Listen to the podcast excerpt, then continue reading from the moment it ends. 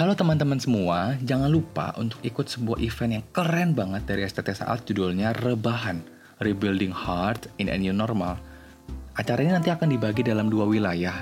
Jadi bagi teman-teman yang di Indonesia bagian Barat, silakan join tanggal 24 sampai 25 Juni.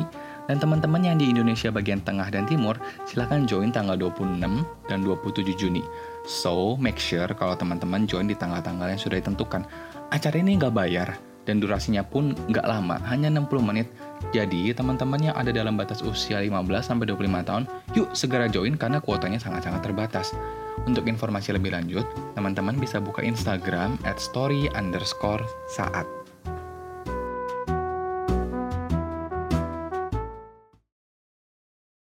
Halo, selamat datang kembali di podcast Blessed Devotion dan kali ini kembali bersama aku Samuel. Hari ini, aku mau ngajak kita merenungkan kebenaran firman Tuhan yang terambil dari Lukas pasal yang ke-10 ayat yang ke-25 sampai 37. Lukas pasal yang ke-10 ayat yang ke-25 sampai 37 berbunyi demikian. Pada suatu kali berdirilah seorang ahli Taurat untuk mencoba Yesus Katanya, Guru, apa yang harus kuperbuat untuk memperoleh hidup yang kekal? Jawab Yesus kepadanya, Apa yang tertulis dalam hukum Taurat? Apa yang kau baca di sana?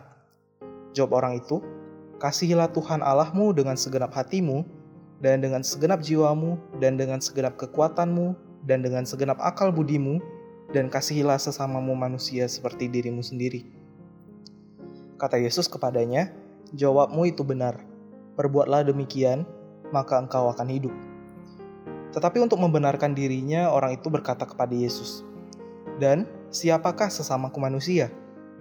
Jawab Yesus, "Adalah seorang yang turun dari Yerusalem ke Yeriko. Ia jatuh ke tangan penyamun-penyamun yang bukan saja merampoknya habis-habisan, tetapi juga memukulnya dan sesudah itu meninggalkannya setengah mati." Kebetulan ada seorang imam turun melalui jalan itu ia melihat orang itu, tetapi ia melewatinya dari seberang jalan. Demikian juga seorang Lewi datang ke tempat itu. Ketika ia melihat orang itu, ia melewatinya dari seberang jalan. Lalu datang seorang Samaria yang sedang dalam perjalanan ke tempat itu. Dan ketika ia melihat orang itu, tergeraklah hatinya oleh belas kasihan. Ia pergi kepadanya, lalu membalut luka-lukanya sesudah ia menyiraminya dengan minyak dan anggur Kemudian ia menaikkan orang itu ke atas keledai, keledai tunggangannya sendiri, lalu membawanya ke tempat penginapan dan merawatnya. Keesokan harinya ia menyerahkan dua dinar kepada pemilik penginapan itu, katanya, Rawatlah dia dan jika kau belanjakan lebih dari ini, aku akan menggantinya waktu aku kembali. Siapakah di antara ketiga orang ini menurut pendapatmu adalah sesama manusia dari orang yang jatuh ke tangan penyamun itu? Jawab orang itu, orang yang telah menunjukkan belas kasihan kepadanya. Kata Yesus kepadanya, Pergilah dan perbuatlah demikian. Teman-teman, belakangan ini tagar Black Lives Matter menjadi perbincangan yang juga hangat di media sosial selain perkembangan dari pandemi COVID-19 tentunya. Buat yang tidak mengikuti beritanya, tagar ini mencuat setelah seorang pria berkulit hitam bernama George Floyd yang ditahan oleh seorang polisi Amerika Serikat kemudian dibunuh oleh polisi tersebut. Dalam sebuah video singkat, terlihat bahwa polisi itu menindih leher Floyd dengan salah satu lututnya selama hampir 9 menit yang kemudian menyebabkan Floyd meninggal. Akibatnya, gerakan antirasisme khususnya untuk orang berkulit hitam terus digemakan.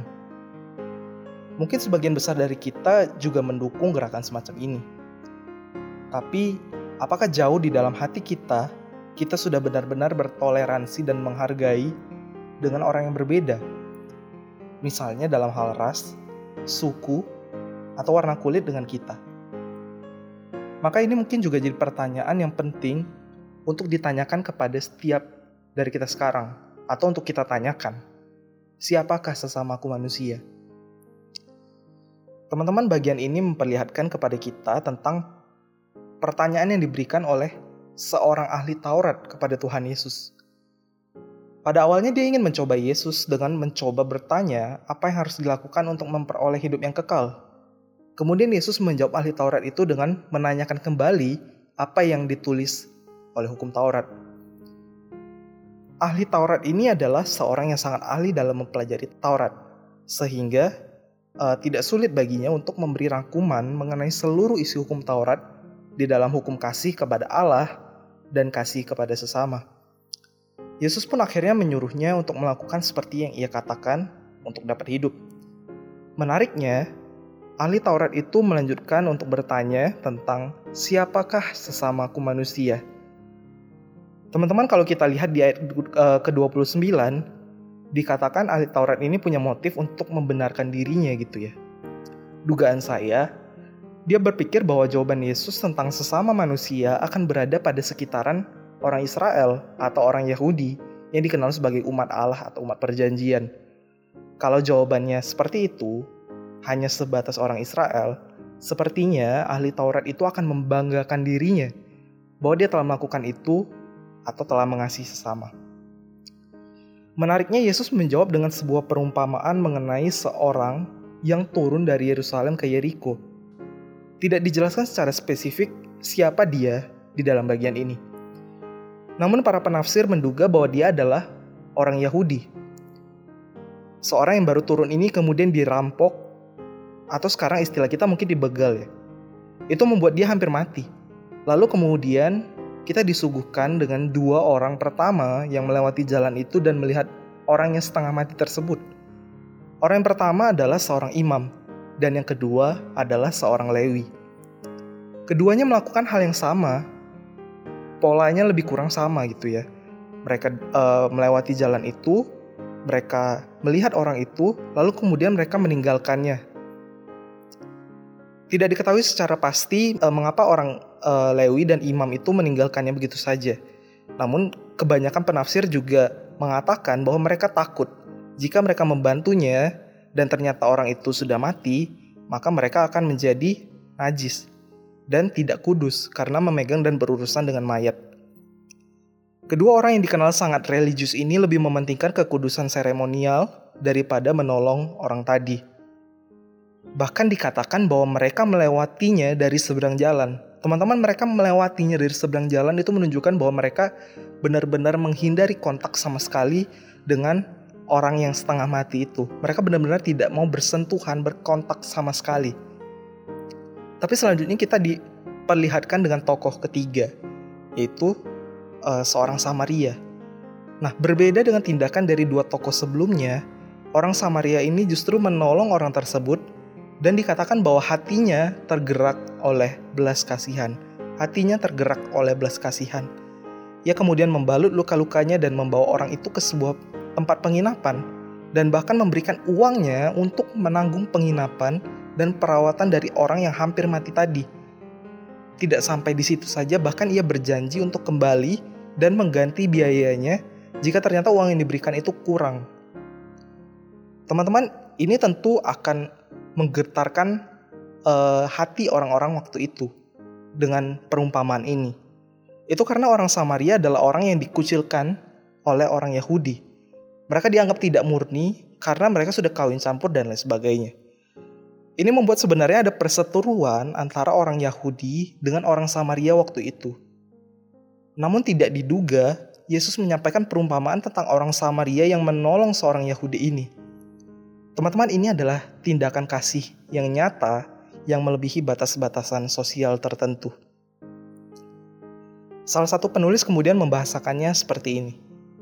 Orang Samaria yang baik meresikokan hidupnya dan mengasihi melalui tindakan berkorban bagi seseorang yang bukan saja orang asing, tapi anggota dari kelompok ras yang bagi banyak orang Samaria dianggap berbahaya dan bertanggung jawab atas banyak penderitaan yang dialami komunitasnya. Pria Yahudi ini sebenarnya layak mendapat murka orang Samaria itu karena telah mengucilkan dan membuat kelompok mereka menderita. Tapi sebaliknya, orang Yahudi itu malah mendapat kasih, kasih yang berkorban, kasih yang nyata. Bahkan dia mendapatkan kebutuhan fisik dan materi. Kebutuhan fisik dan materinya dipenuhi. Pada akhirnya Yesus juga menunjukkan dirinya sebagai orang Samaria agung, orang Samaria yang agung kalau saya boleh bahasakan. Kita sebenarnya adalah manusia yang layak mendapat murka dari Allah. Kita terlalu sering berdosa dan menyakiti hati Allah. Kita terlalu sering sok pintar dan menganggap diri kita lebih tahu dibanding Allah. Kita layak mendapat murka Allah. Namun, apakah Allah tinggal diam atau malah Allah hanya menghukum dan menghakimi kita? Tidak, bukan. Dia mengirim anaknya yang tunggal untuk mati bagi kita. Yesus tidak hanya meresikokan hidupnya seperti orang Samaria. Dia bahkan memberi hidupnya. Yesus tidak hanya meresikokan hidupnya seperti orang Samaria, tapi dia bahkan memberi hidupnya. Supaya apa? Supaya kita bisa selamat dari kematian kekal. Mari kita belajar mengenai definisi kasih ini, yaitu kasih yang yang mau berkorban. Teman-teman, kita dapat merenungkan dua hal dari kisah ini. Pertama, mari kita renungkan sebuah pertanyaan dari kisah ini siapa sesama kita manusia? Tanyakan pertanyaan itu dan renungkan di dalam hati kita. Kejadian 1 ayat 26 mengatakan bahwa manusia dicipta dalam gambar dan rupa Allah. Jika semua manusia dicipta dan uh, diciptakan dalam gambar dan rupa Allah, apakah kita pantas untuk membeda-bedakan perlakuan dan tindakan kita terhadap kelompok tertentu?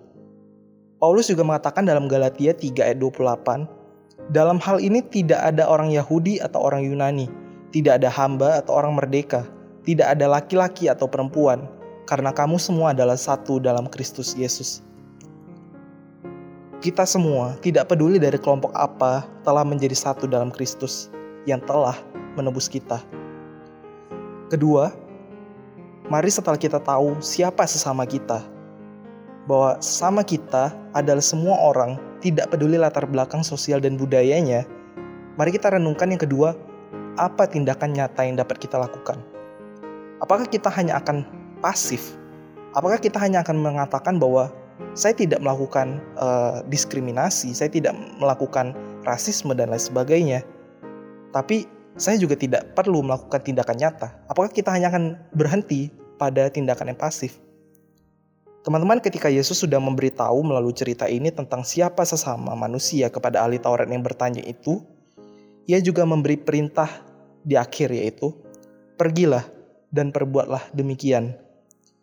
Mari kita renungkan apa tindakan kasih yang nyata yang dapat kita lakukan kepada sesama kita, tanpa memandang latar belakang sosial dan budaya. Biarlah Allah Roh Kudus menolong kita untuk dapat mengasihi sesama kita tanpa melakukan diskriminasi apa pun, tanpa memandang latar belakang sosial dan budaya apa pun. Tuhan memberkati kita, Solideo Gloria.